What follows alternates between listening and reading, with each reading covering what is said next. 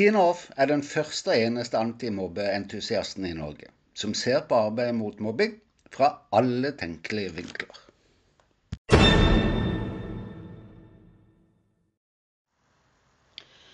Barn blir bare møtt på 30% av sine faktiske behov. Visste du det? Jeg visste det ikke, men overhørte det fra en forsker. Da gjelder det deg og meg i rollen som forelder. Og forskeren sier også at barn tåler det greit. Overraskende, ikke sant? Overraskende, men samtidig tankevekkende. Kan det overføres til skolen og de utenomfaglige områder også?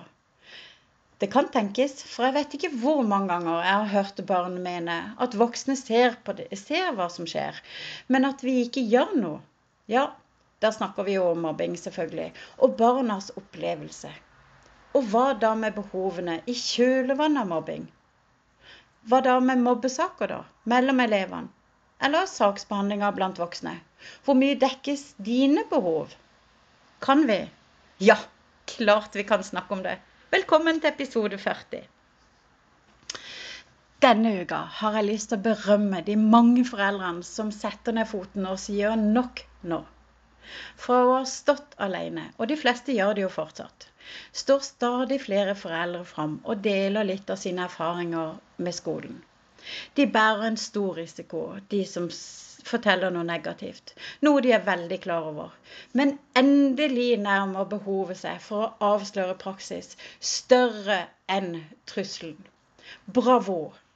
Det kan gjøre at teorier må justeres, og ikke minst at antagelser som tas for gitt, og forståelser for praksis også justeres. Det trengs.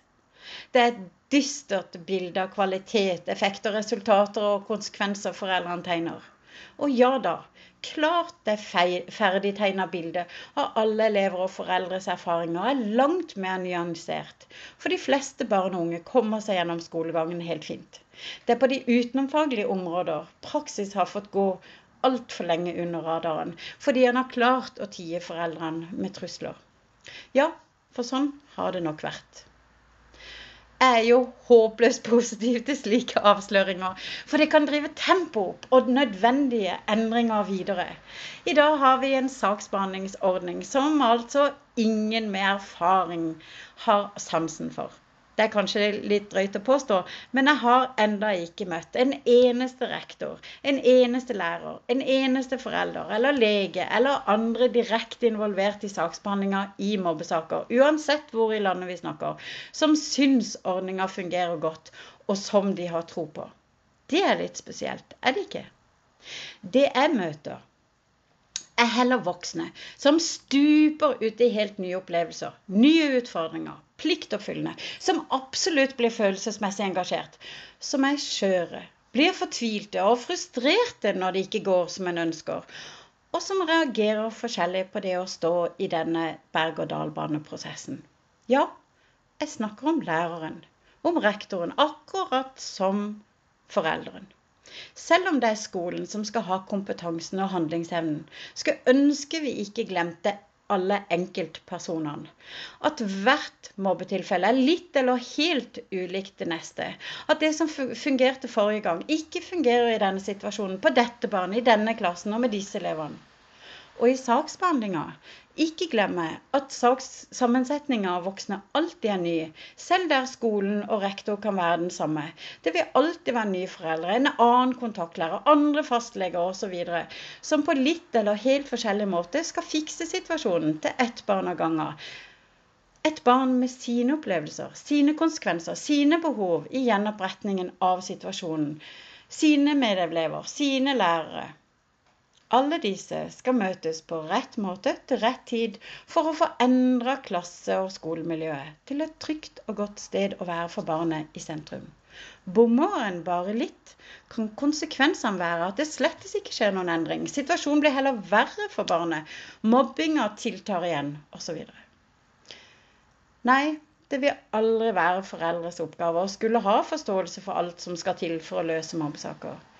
En kunne kanskje ønske seg at de kjente til de mange brikkene, men der er skolen overlatt til seg sjøl, så sant vi ikke snakker om det.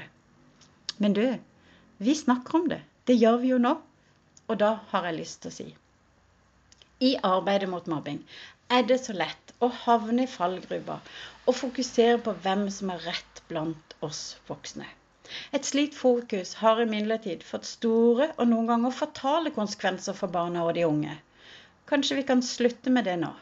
Det hindrer nemlig utvikling, tror jeg kan vi heller prøve å finne noe som kan drive antimobbearbeidet fremover, uten at en part fremstår som bedre enn en annen, eller at vi overleser noen, f.eks. læreren mer.